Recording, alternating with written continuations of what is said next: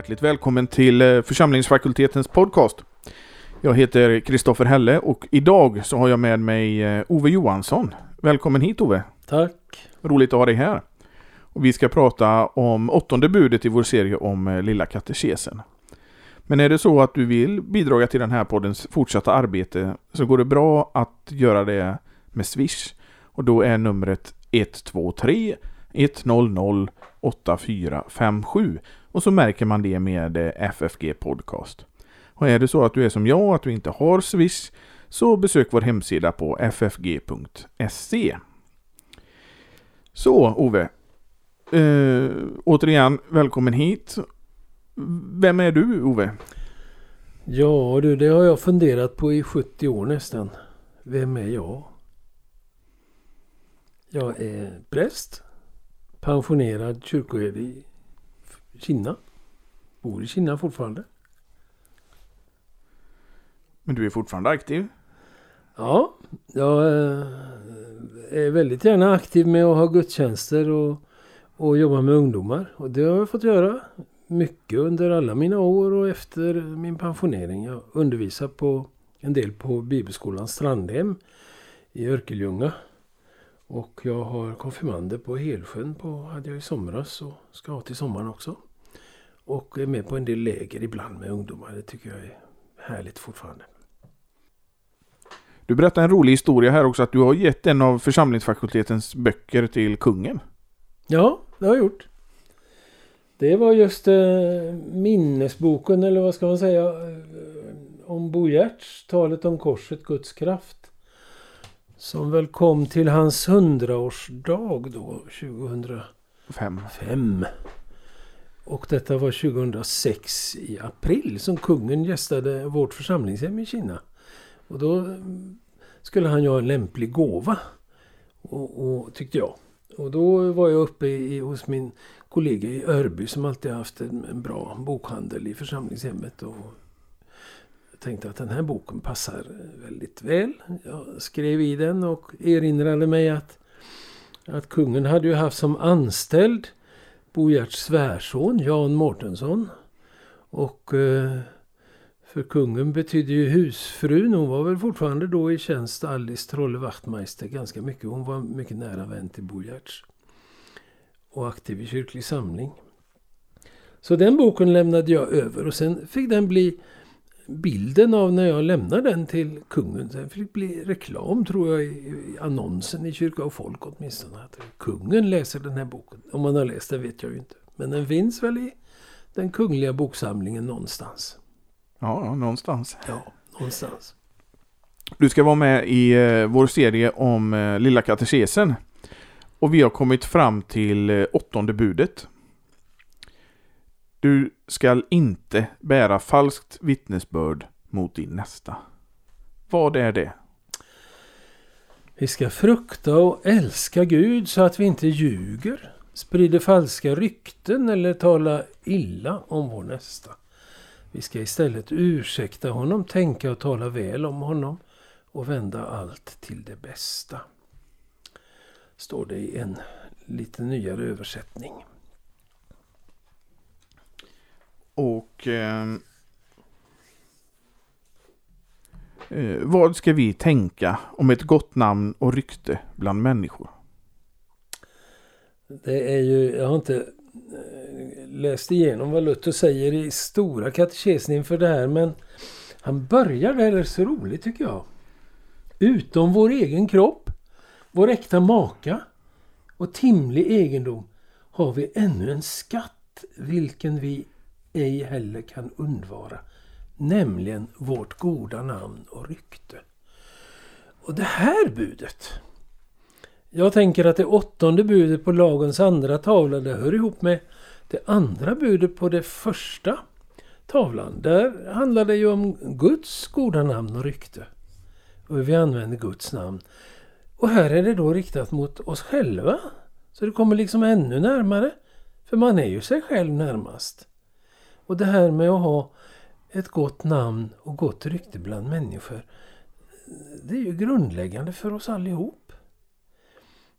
Och synden gör ju att vi fördärvar det där. Så att vi missbrukar vår nästas, vår medmänniskas goda namn och rykte. Så lätt. Så kanske ja, alla buden, om vi tar dem på allvar, så går de ju under skinnet på oss. Och I bergspredikan så, så eh, skärper ju Jesus eh, buden alldeles oerhört så att ingen kan stå skuldlös, skuldfri. Eh, men inte minst gäller det ju det här budet i, i vardagen. Vi kan ju tänka på allt vad vi har pratat om här nu medan vi åt lunch, du och jag. Ja, ja. Ja, Jo, det, det är så. Det är så. Och, och du, du nämner bergspredikan här och, och, och hur, hur Jesus skärper. Mm. Och det, det är liksom att på den här, på Jesu tid så var det ju många fariseer och andra skriftlärare som trodde att de, de levde efter buden. De Mm. uppfyllde alla buden. Men Jesus han skärper det och gör det liksom ännu svårare. Och, och, och, och att människan själv kan få inse hur illa ställt det är. Ja, tar vi bergspredikan på allvar. Alltså om vi, om vi går hundra år tillbaka i tiden och, och, och början på förra seklet med bibelkritiken och, och liberalteologin och sådär. Som skalade ner det kristna budskapet. För att få bort det här med synd och skuld och blod och död och, och, och försoning och så. Och under inte minst. Och så blev bergspredikan kvar. Och det menar jag att det, där hade de ju missuppfattat någonting. För bergspredikan är ju nästan det svåraste. Det avslöjar ju människan totalt och skärper. Då är, är vi ju verkligen i behov av försoning och förlåtelse. Och, och Jesu död för våra synder. När, när han skärper buden. Han är ju så oerhört revolutionerande radikal i bergspredikan. Och när det gäller det åttonde budet så säger han ju i Matteus 5 om vårt tal att det ska vara ja och ja och nej ska vara nej. Vad därutöver är av ondo. Och då, då blir det ju så rakt så att vi klarar oss inte att hålla oss på den linjen alltid. Ingen av oss. Inte jag i alla fall. Nej, inte jag heller. Så är det. Och vi använder ju ofta det här. Men det finns ju något positivt i detta att vi är intresserade av andra människor. Mm. Men det är ju inte alltid vi talar väl om dem. Och verkligen inte alltid som vi tyder allt till det bästa. Det finns ju en del som är våra meningsmotståndare till exempel. Vi kanske inte har så mycket fiender. Det kan vi ha också. Sådana som vi helst inte vill möta. Inte ha någon kontakt med för de har gjort oss illa eller det har hänt någonting. De är vi inte angelägna om att alltid tyda allt till det bästa. Nej. Vi tänker oss inte för. Så är det kanske för de flesta människor. Några, några brukar säga att skadeglädjen är den enda sanna glädjen. Ja, visst. Därför att vi försöker att vinna en egen fördel. Det är ju syndafördärvet i oss. Som alltid försöker att vinna någonting för sin egen del. Och inte klarar av att älska sin nästa som sig själv i alla lägen. Där är vi. Du nämnde ju bibelkritiken och, och, och, och allting eh, som, som kom där. Och, eh, eh ibland i vissa kan, man nästan tänka att det är lagen som har blivit evangelium. Folk tror att du ska älska din nästa som dig själv. Det är evangelium. Ja, man tänker ju sig att eh, bergspredikan handlar om kärlek. Och det gör den ju. Men eh, det är ju kärleken som ett påbud. En lag. Som vi inte lever upp till. Och, och Jesus höjer ju ribban. Nu så fick vi ju ett nytt världsrekord i förrgår av den här unge 20-åringen. Eh, 6 och 18 var det väl va? Armand Duplantis. Någonting sånt ja. 6 och 18. Eller, ja, det var 6 och 17 det förra var det och 6 så tog han en, en centimeter till i Glasgow. I Skottland inomhus. Med sin långa stav. Han når ju ända nästan, han når inte upp till himlen. Men han når ju nästan upp till taket. Då sa han på en intervju att, att det, det är ett, livets mest fantastiska moment är när man har kommit över och är på väg ner och landa. Och jag har ju sett det här nu både verkligt och i ultrarapid. Men verkligheten är det ju som gäller och det är ett mycket kort moment. Korta minuter, känslan åtnjuter, skriver ju Rosenius. Eh, men då handlar det ju om, om saligheten hos Gud som vi får ha genom Jesus. Och dit når ju inga världsrekord för det är en egen ansträngning. Men eh, han har, vad skulle jag säga om det nu då? Det var ju en tanke som jag tappade. som jag tyckte var, var, var eh, så bra i det här sammanhanget. Jo, det är det här alltså, vi kan ju anstränga oss och nå resultat. Och det var ju det fariseerna gjorde.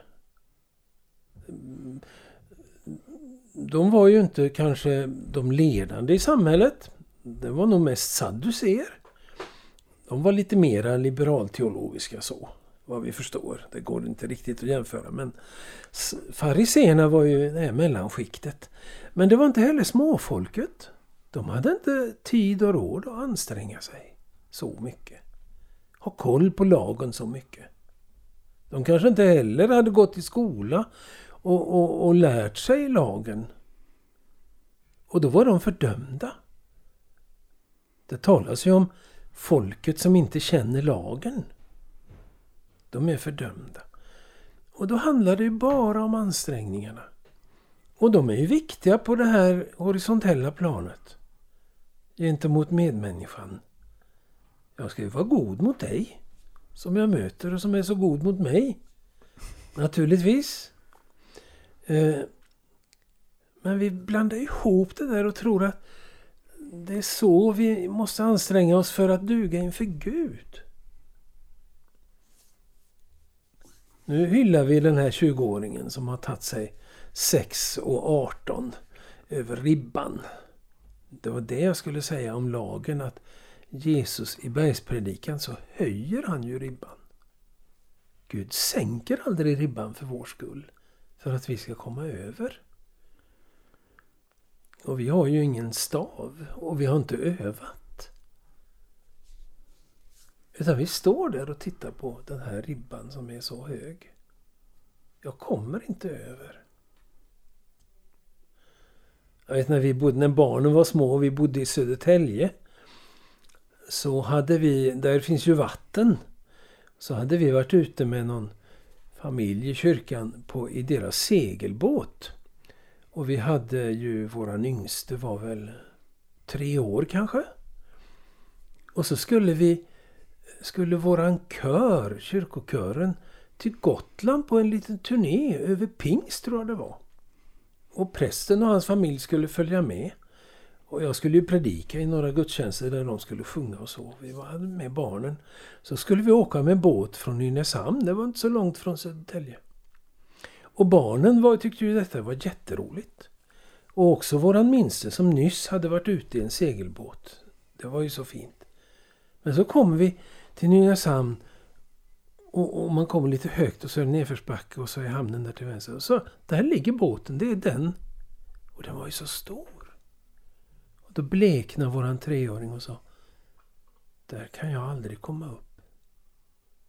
Han trodde ju att alla båtar var sådana att man skulle kliva över relingen. För det var hans erfarenhet. Så det hade han ju inte klarat. Och ingen av oss hade klarat det. Och så där är det ju med bergspredikan och buden. Om vi tar dem på allvar. Ribban ligger väldigt högt. Och då finns det ju en annan väg. Jag tänker på, på, på det som Jesus säger i, i början på bergspredikan. Och det är väl det vi får ta till oss att saliga är de som är fattiga i anden. Till dem tillhör himmelriket. Ja. Vilket ju inte betyder att vi kan strunta i buden. Nej. Fast vi kan ju säga de är givna till judarna. Till Guds egendomsfolk. De är bundna vid de här buden. Om vi läser Gamla Testamentet lite noggrant och hur det kom till och sådär. Men de är bra för alla andra också, för det är ju Guds vilja. Mm. Och när vi är då på andra tavlan så handlar det om Guds vilja människor emellan. Och inte minst då det här åttonde budet. För det sätter ju ljus och fokus på våra ord, vad vi säger om varandra. Eller låter bli att säga. Men det handlar inte bara om det utan gester, mimik. Man pratar om någon som inte är närvarande. Ja, man kanske inte säger något men bara ruskar på huvudet eller du vet den. Så, Ja. På ett nedvärderande sätt. Det faller ju också under det här. Jag tänker på det man ska försöka att att, eh, se Kristus i sin nästa. Ja. Jag tänker att den jag sitter med i honom eller i henne ser jag min frälsare. Det är ju en del av den nya lydnaden så att säga. Som man pratar om i Augsburgska bekännelsen bland annat. Sen möter man ju kanske då ibland människor som man kan ju ha dem i på sin arbetsplats eller i skolklassen eller som granne eller i släkten. Som svär och förbannar Mm. och verkligen inte har Kristus i sitt hjärta. För Kristus bor ju genom tron i vårt hjärta, för tron finns inte där. Då är det lite svårare att se Kristus i den medmänniskan. Men då är väl uppgiften för, för mig som kristen att vara sån och tala så att möjligheten ändå kommer för den människan att ta emot Kristus när det är så dags. Att tala, eh, att tyda allt till det bästa, att tala väl om den människan. Vi får tala väl om den människan med Gud, inte minst. Det hör ju också hit. Vilka lägger jag tid att be för? Någon? Några? Många? Eller mest mina egna behov? Men i relationen människor emellan så finns ju den gamla Adam kvar. Och det är ju jättesvårt att hantera det där i, i relationen till sina medmänniskor ibland. När det finns avundsjuka och, och eh, ilska och sådana här saker som kan finnas där. Ja. Vi blir sårade och vi känner oss förorättade och sådär. Fylls av eh, viljan att ge igen på något vis. Eller? Ja. Och då, då är ju det här eh, väldigt viktigt. Ja. Det katekesen säger. Och sen är det ju det att, att vi, vi, vi så lätt tror på det andra. De vittnesbörd som andra ger om folk. Tänk det här med kändispressen och sådär. Som många läser och tar till sig. Och, och tänk, vi pratade om kungen förut. Vad, vad, vad kungahuset är i fokus, ja det hör ju till deras roll. Men allt som har sagts om dem och mot dem har ju inte varit sant kanske. Nej. Vi läser om det här, vi hör om det här. Och det värsta är ju om vi söker efter det och tycker om det. Men är inte det lite det man söker i en kändispress? Ja, där bygger man ju på syndafördärvet. Människans svagheter. Vad som tilltalar oss. Det finns ju alltid något lockande i frestelsen. Mm. Den onde och det onda drar ju oss in i någonting som vi tror. Som kittlar oss och som... Ja. Hälsan tiger still. Och många gånger är det ju bäst att tiga. Ja, det, det, det stämmer nog. Och inte föra vidare sånt man hör. Vad är det vi brukar lära konfirmanderna? Att det finns tre såll. När man hör någonting om någon person. Eh, så, så kan man tänka, är det sant? Det är det första sållet. Är det inte sant så ska vi lämna det. Är det nödvändigt att berätta det här vidare? Det kanske inte är det. Det kanske inte nyttar till någonting. Och, och det tredje sållet ligger nära det andra. Är det kärleksfullt? Nej, men det är ju inte det. Då får jag låta det vara. Jag har inte hört detta. För tillvaron är ju fylld av rykten. Och tänk vad mycket det ligger på nätet numera.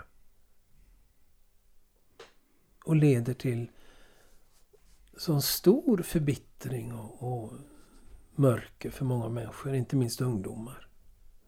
Kommentarer om utseende och allting sånt där. Men det hör ju ihop till det här åttonde budet också. Ja, verkligen. Verkligen. Och där har vi ju det, det. Det gör ju att det är väldigt viktigt att undervisa unga människor om buden. Och, men vi ska inte fastna där. För det är viktigare att undervisa om Jesus. Och visa vägen till honom. Som är syndares frälsare. Jag tänker på det med, med um, det här sociala medier och så. Jag är inte så duktig på det där men eh, det är väl också dålig självkänsla hos många av de här. Då försöker de sänka andra för att höja sig själv. Ja, ja. ja. Och det är ju synden. Det är synden, ja. Det är ja, synden. Och det, måste ju, det är ju väldigt svårt att leva i det där.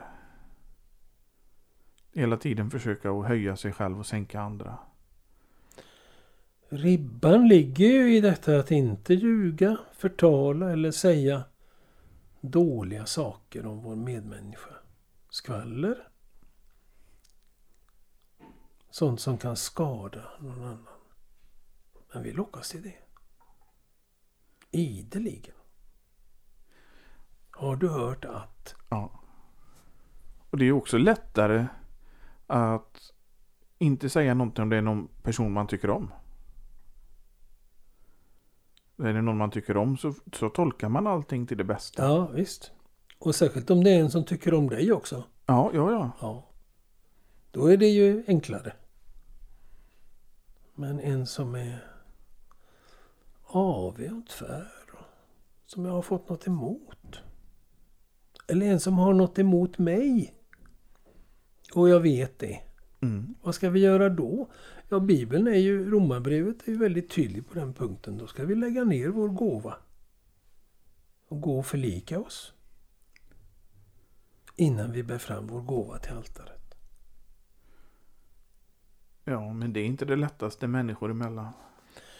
Det är inte det lättaste. Särskilt inte om man har med icke-kristna att göra. Nej. Det är svårt att säga till någon Jag vet att du, du tycker inte om mig. Jag har, jag har tagit illa vid mig. Men kan vi inte få bli vänner ändå? Kan vi inte försonas och försöka? Och så den personen säger Nej, det vill jag visst inte. Jag tycker du är en skitstövel. Men då har jag ändå gjort det som Guds ord rekommenderar. Och då är jag ändå löst och fri. Mm. Som jag förstår det, det ordet. Det är väl i Romarbrevet. Eh, då, då är jag välkommen fram till Guds altare. Men sen tänker jag ett väldigt passande liksom, bibelord här i, i, i den medmänskliga relationen. Det är också vad Paulus säger i Romarbrevet 7. Att det goda som jag vill göra, det gör jag inte. Nej. Men det onda som jag inte vill, det gör jag. Sen kommer det i slutet på åttan. Vem ska frälsa mig från denna arma dödens kropp? Gud vare tack som ger oss segern genom Jesus Kristus vår Herre. Och det är ju lagens tredje bruk. Det driver oss till Kristus. Jag klarar mig inte utan syndernas förlåtelse. Nej. Och det gäller ju just de här buden och det åttonde. Det andra bruket är ju att jag, när jag speglar mig i det så ser jag ju att det här har jag brutit emot. Jag gör ständigt på nytt. Förbarma dig över mig, Herre. Kyrie eleison. Men det finns ju en som har hållit de här buden. Och då ska vi fly till honom. Ja, Så när Gud ser på, på oss så ser han sin son. ja. Men det medvetandet om detta hjälper ju mig att, att vara skärpt i förhållande till medmänniskan. Ja, ja. Och det är ju kärlekens väsen att inte stå emot en oförrätt. Det handlar inte om att eh, vika sig så att man blir trampad på alltid. Det är ju inte det. Men man behöver inte ge igen. Nej, det är helt sant. Man behöver inte få sista ordet. Man behöver inte vinna varje diskussion. Men det är ju lockande att göra det. Det är klart att det är. Det är lockande att vinna. En gammal präst sa till mig en gång att eh, du ska inte underskatta den mänskliga fåfängan, särskilt inte den manliga. Det där är klokt sagt. Det kan en gammal präst eh, skriva under på till. ja, så är det. Så det är, det är lätt att lockas av det. Ja, men det är det ju. Lockelsen ligger ständigt där. Ja, ligger ständigt där tror jag. Ja. Men, och vi lever i en ond tid. I, I vårt samhälle, i vårt land, vi har det så bra men, men det är ju en sekulariserad värld. Där man inte känner Gud. Och då finns det ju inget eh, riktigt bra normsystem längre. För hur vi ska vara mot varandra. Nej. Vi har gått på den urgamla frestelsen och blivit vår egen Gud. Jag bestämmer över mitt liv. Jag behöver inte bry mig om andra. Men den kristna kallelsen är ju annorlunda. Och där behöver vi ju varenda dag eh, komma till Jesus så att han får öppna våra ögon på nytt. Så att vi ser vår, vad vår nästa behöver. Och, och kanske det går att öva sig att försvara medmänniskan. Hur gör man då? Ja, vi har ju något som heter samvetet ändå. Och vi kan be Gud om ett vaket samvete. När vi är på väg att säga något eh, ofördelaktigt eller ge svar på tal på ett onödigt sätt eller så. Hejda sig. Eller när man har gjort det. Be om förlåtelse, både Gud och medmänniskan. Och lära sig att tala väl om människor. Det står det här på pappret jag har framför mig och det är ju en modern eh, utläggning av, av katekesen.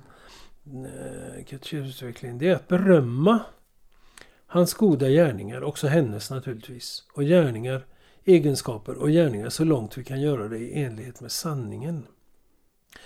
Här är, finns ett exempel att Jonatan talade väl om David som var så förföljd under Jonatans fader Saul. Och, och, och likaså från Lukas 7 med den här hedniske romerska officeren i Kapernaum som folket i Kapernaum talade väl om. Han hade ju gett bidrag till deras synagoga där botten ännu står kvar. Och så, där. så vi kan besöka. Eh, och, och, om, Je- om honom säger Jesus, jag har inte funnit så stor tro hos någon i Israel. Det är ju ett, ett, att tala väl om någon. Och Jesus kan ju det för han ser ju, han är ju Gud, han ser ju till hjärtat. Han vet ju hur vi är. Vi ska tala väl om vår nästa, vända allt till det bästa. Dölja de fel vi ser hos vår medmänniska, för de finns ju alltid. Liksom vi önskar att människor inte ska i vår närhet ska förstora upp våra egna fel för mycket. Utan tala väl om oss. Min son tycker att jag rättar hans fel för mycket. Ja, men han är bara fem år. Ja. Det kanske du gör. Det, Men- det, det, det är ju mest i det språkliga. Ja, ja. Just det. Och så säger han att pappa säger jämt honom. Eller någonting. Där retar vi oss varje morgon på journalisterna i Borås Tidning hemma vid köksbordet. Att de inte kan det svenska språket. Men det vet de ju inte om att vi gör. Men i, i morse var jag beredd på nej nu skriver jag till, till ledningen för Borås Tidning att de kan väl ordna en enkel sven, kurs i svenska för sina journalister. Så att de vet vad objektsformerna heter och hur det blir. Va? Så det blir så vi slipper att sätta kaffet i vrångstrupen här. Men det blir väl aldrig av. Vi får väl finna oss i att försöka dölja journalisternas fel och tänka att de, de kan mycket annat. De är bra på mycket annat. Man kan inte kräva av en journalist att den ska kunna svenska språk. Eller kan man det? Ja, det får tolka allt. Men jag tänker min, min, min, mina rättningar som han tar, min son tar så fel, de är ju i all välmening. Ja, och du är ju satt som fostrare av ditt barn. Det är klart. Så där är det lite annorlunda. Men man kan ju missbruka en sån ställning också. Ja, det kan man. Jag, eh, min hustru säger att jag ska sluta rätta verbformerna, utan det kommer han lära sig automatiskt. Ja, Men det är svårt att inte inte- börjat skolan än. Så det blir Nej. väl, ja. ja. Det... På något sätt så handlar alltihop om kärleken. Kärleken överskyler en myckenhet av synder. Säger Petrus, är det väl? Och första kor 13 som jag var inne på, kärleken. Tror allting, hoppas allting, uthärdar allting. Och får vi kärlek till vår medmänniska så vill vi inte skada henne. Nej. Nej. Får vi kärlek till våra ledare, våra politiker och myndighetspersoner som vi ofta rackar ner på. Av mer eller mindre goda skäl. Så kanske vi inte gör det utan urskuldar. Jesus var ju sån. Ja. Men han var rak. Han var ingen mes.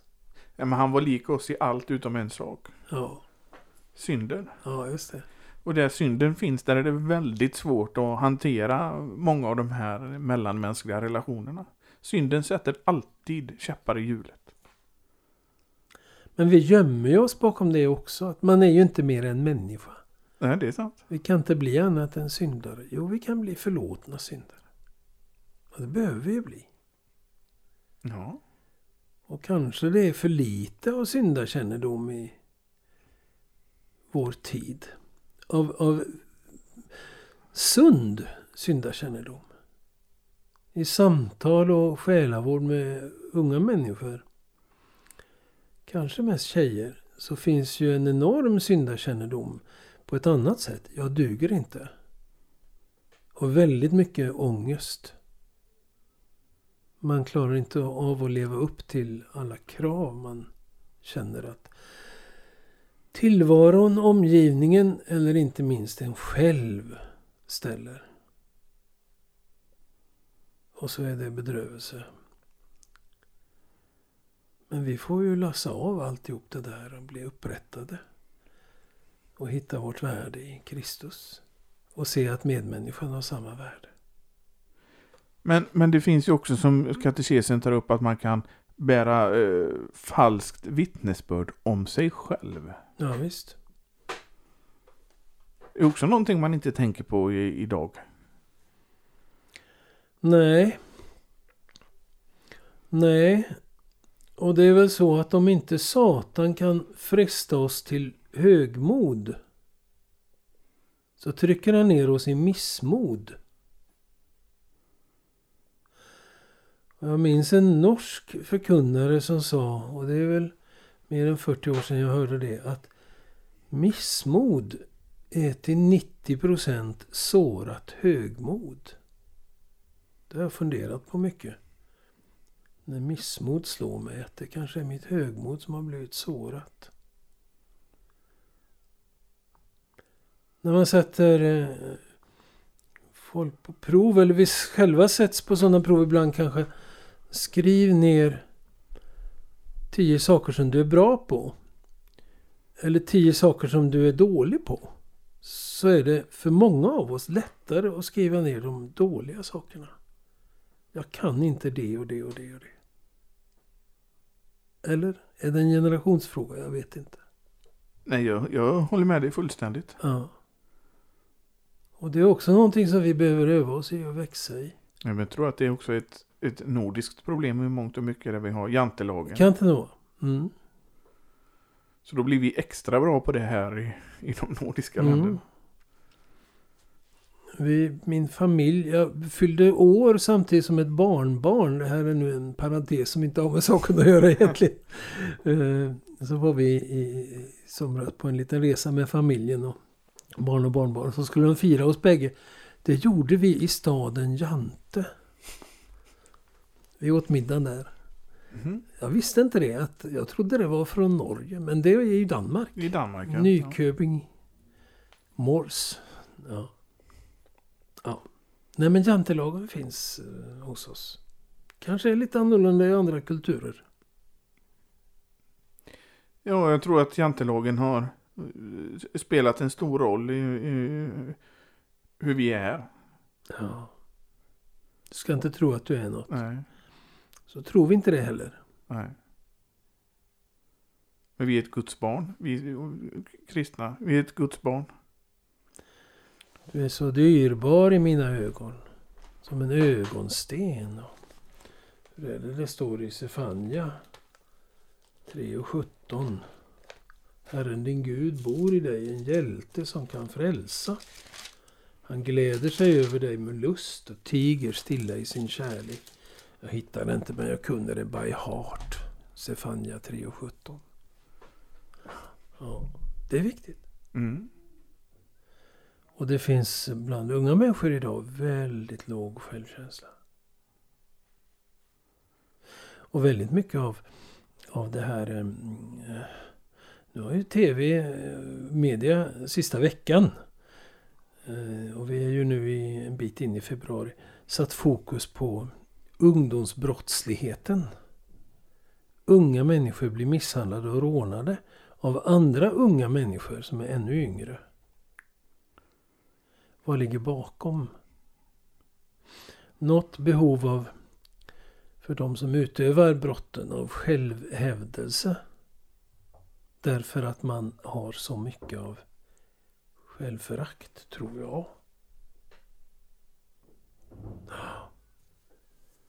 Det är viktigt det här med våra ord. Ja. Våra vittnesbörd. Att de är sanna. Att de är goda.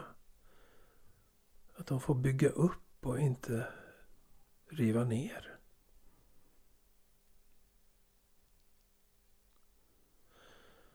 Och det är väl kanske lättare att formulera negativ kritik än positiv. ja, visst är det det. Jag kommer ju inte på tanken att skriva till Borås Tidning och, och med ett beröm att här var ju en hel artikel utan några språkfel. Nej. I och för sig, det ska man ju ta för självklart. Ja, det kan man väl göra i en dagstidning så. Ja. Men, eh, men ändå. Att uppmuntra varandra. Brevbrevet talar ju om detta att eh, ge akt på varandra. Inte, inte vakta på varandra utan ge akt på varandra på ett positivt sätt. Så att vi inte tappar modet. Men det är lätt att göra. Ja, det är lätt att göra. Det är väldigt lätt att tappa modet och misströsta och tycka att alla människor är emot mig eller känna sig ensam. Ja, jag tror att i, tidigare generationer så var det ju en, en regel att man skulle inte berömma barnen för att då kunde de bli högmodiga. Mm.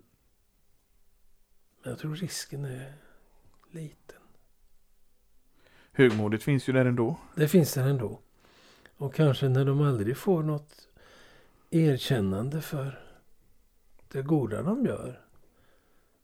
Så löper de större risk att bli missmodiga. För så är det ju med oss vuxna. Mm. Ja, det... Och då söker människan bekräftelse på många felaktiga sätt. Så med åttonde budet så har vi ju en, en, en, stor, stor kallelse och uppgift att tyda allt till det bästa. Att tala väl om och till vår medmänniska. Och tala väl om oss själva utan att vara högmodiga, utan att skryta.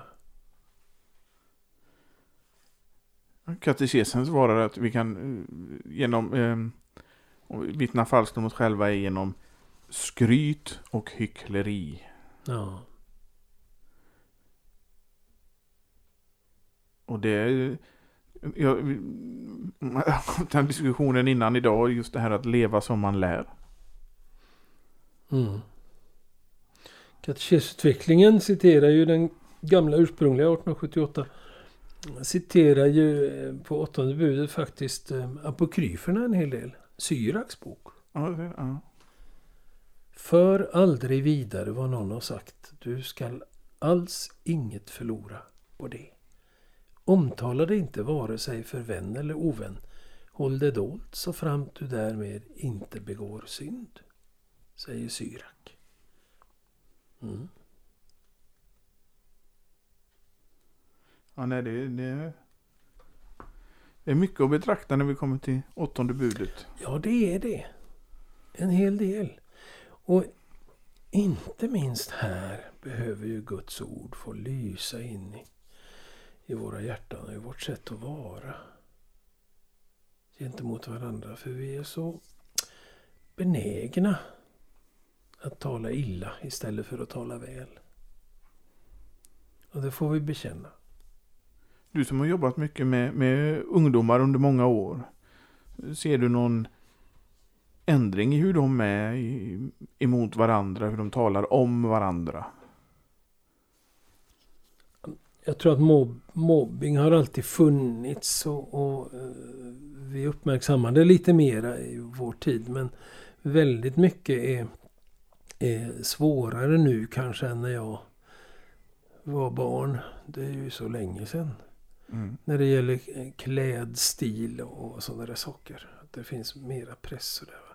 Men de ungdomar jag träffar på kristna läger och, och konfirmandläger där inte alla är kristna men där det växer, där vi ändå lever tillsammans några veckor med daglig bön och omgärdas av Guds ord och välsignelsen och tror på den heliga Andes ledning. Och, och så, där det finns ett, ett eh, ledargäng som är värda att se upp till och ta efter. Så, så, så är det ju mycket mer öppet idag. Välsignat öppet än det var tidigare. Tycker jag det är. Det är på det sättet härligt att vara med ungdomar idag. Men jag tycker att de har det svårare. De är ofta ensamma kristna i sina klasser och så. Gott för dem som är några stycken. Men... eh, Ja, jag vet inte. Nej. Jag vet bara att det är väldigt viktigt i vår sekulariserade tidsålder att, eh, att ge vittne om ordet. För Guds ord är ju sanning. Men det är ju också eh, eh, för de här ungdomarna att se att det finns både för de som är, som säger, inte är kristna men också de som är kristna att det finns andra kristna ungdomar. Det finns Ja. andra kristna ledare och de ser att de blir en förebild för dem Mm. i, i det kristna livet. Det, det är så viktigt med läger och sådär. Men, eh, ja. Sen är ungdomar idag tycker jag de är väldigt känsliga för det som är äkta. Det här eh, budet talar ju också mot skrymteri. Mm. Det är ju att man försöker visa sig bättre än man egentligen är. Det ser ju ungdomar igenom. Så eh, äktheten i, i tron är viktig. Mm. Ska vi låta det vara sista ordet? Ja, det kan det väl få vara. Ja. Kanske. Och eh, tack för att du kom hit Ove. Det var jättetrevligt att ha dig här. Ja, men det var väldigt roligt. Och hoppas att du vill återkomma och prata om något annat någon annan gång. Ja, gärna. Du ställer ju så bra frågor och har så fina funderingar. Så det... Nu talar du väl om din, din Ja. nästa. Ja, det kan du väl må bra. Ja, Det är ju sant dessutom. tack, ja, tackar för det. Ja. Det är svårt att ta emot berömmet också. ja, men det är det. Ja, Det är det. Det är också något som vi behöver öva oss i. ja. Så tack en, än en gång för att du kom hit och, och jag hälsar dig välkommen åter. Tack, tack. Ha en Och- god dag. Detsamma. Och är det så att um, du vill bidra till den här poddens fortsatta arbete, gör det gärna då på Swish. Och då är det nummer 123 100 8457. Och så märker man det med FFG Podcast. Och eh, vi hörs igen nästa vecka. Hej då!